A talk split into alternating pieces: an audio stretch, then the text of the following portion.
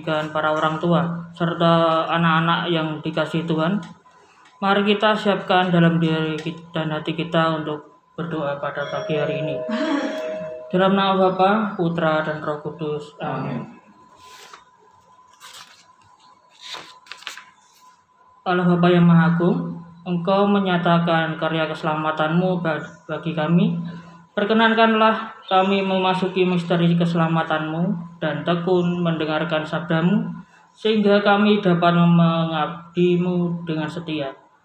Dengan pengantaraan Yesus Kristus Putramu, Tuhan kami, yang bersama dikau dalam persatuan dengan roh kudus, hidup dan berkuasa, Allah sepanjang segala masa. Tuhan sertamu. Dan sertamu Bacaan diambil dari Injil Lukas ayat 37 sampai 41. Pada suatu ketika, selesai mengajar, Yesus diundang seorang Farisi untuk makan di rumahnya. Maka masuklah Yesus di rumah itu lalu duduk makan. Tetapi orang Farisi itu heran melihat Yesus tidak mencuci tangan sebelum makan. Lalu Tuhan berkata kepadanya, Hai orang-orang Farisi, kalian membersihkan cawan dan pinggan bagian luar, tetapi bagian dalam dirimu penuh rampasan dan kejahatan. Hai orang-orang bodoh, bukanlah yang menjadikan bagian luar, dialah juga yang menjadikan bagian dalam. Maka berikanlah isinya sebagai sedekah dan semuanya akan menjadi bersih bagimu. Demikianlah sabda Tuhan.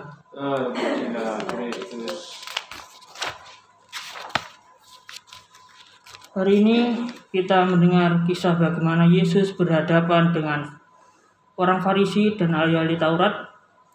Yesus dikritik oleh orang Farisi dan ahli Taurat karena murid-muridnya tidak melakukan sebuah kebiasaan yang lazim pada zaman itu, yaitu mencuci tangan sebelum makan. Sebetulnya, kalau dipikir-pikir apa yang dikatakan oleh orang Farisi dan ahli Taurat benar dan wajar.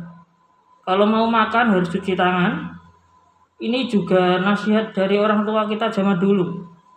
Bahkan lebih relevan bagi lebih relevan lagi pada zaman pandemi COVID-19 ini, cuci tangan pakai hand sanitizer adalah suatu kewajiban. Artinya, apa yang dikatakan oleh orang Farisi dan ahli Taurat adalah sesuatu yang manusiawi dan normal. Akan tetapi, mengapa Yesus bersikap keras terhadap orang Farisi dan ahli Taurat? Yesus melihat lebih jauh dan lebih dalam, bukan sekedar soal cuci tangan, melainkan Yesus mengkritik setiap hati dan juga apa yang ada di dalam batin orang Farisi dan ahli Taurat. Mereka sangat suka menekankan pada sesuatu yang lahiriah, sesuatu yang dangkal, dan mementingkan aspek luaran dan mereka lupa pada aspek yang terdalam.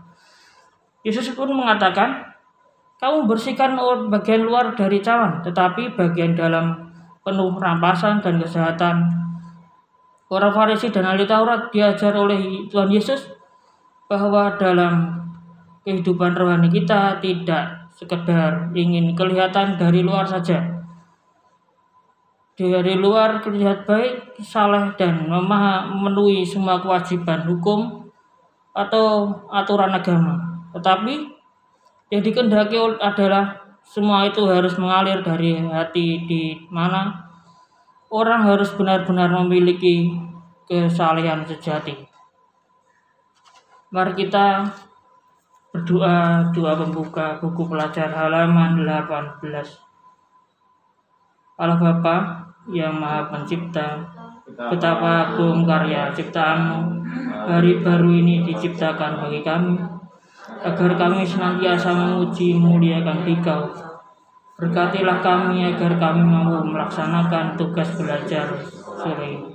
Bimbinglah kami agar kami mampu menciptakan suasana belajar yang baik sehingga kami tetap gembira dan bersemangat dalam mengikuti kegiatan belajar.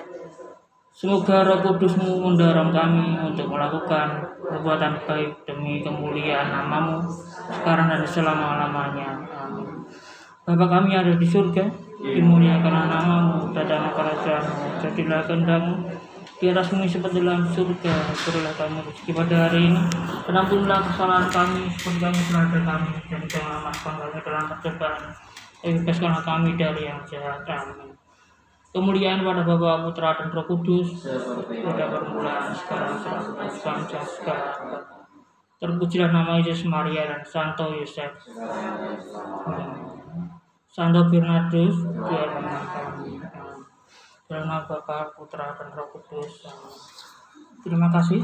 Uh, selamat pagi, selamat lanjutkan aktivitas belajar mengajar dan Yesus memberkati. Amin.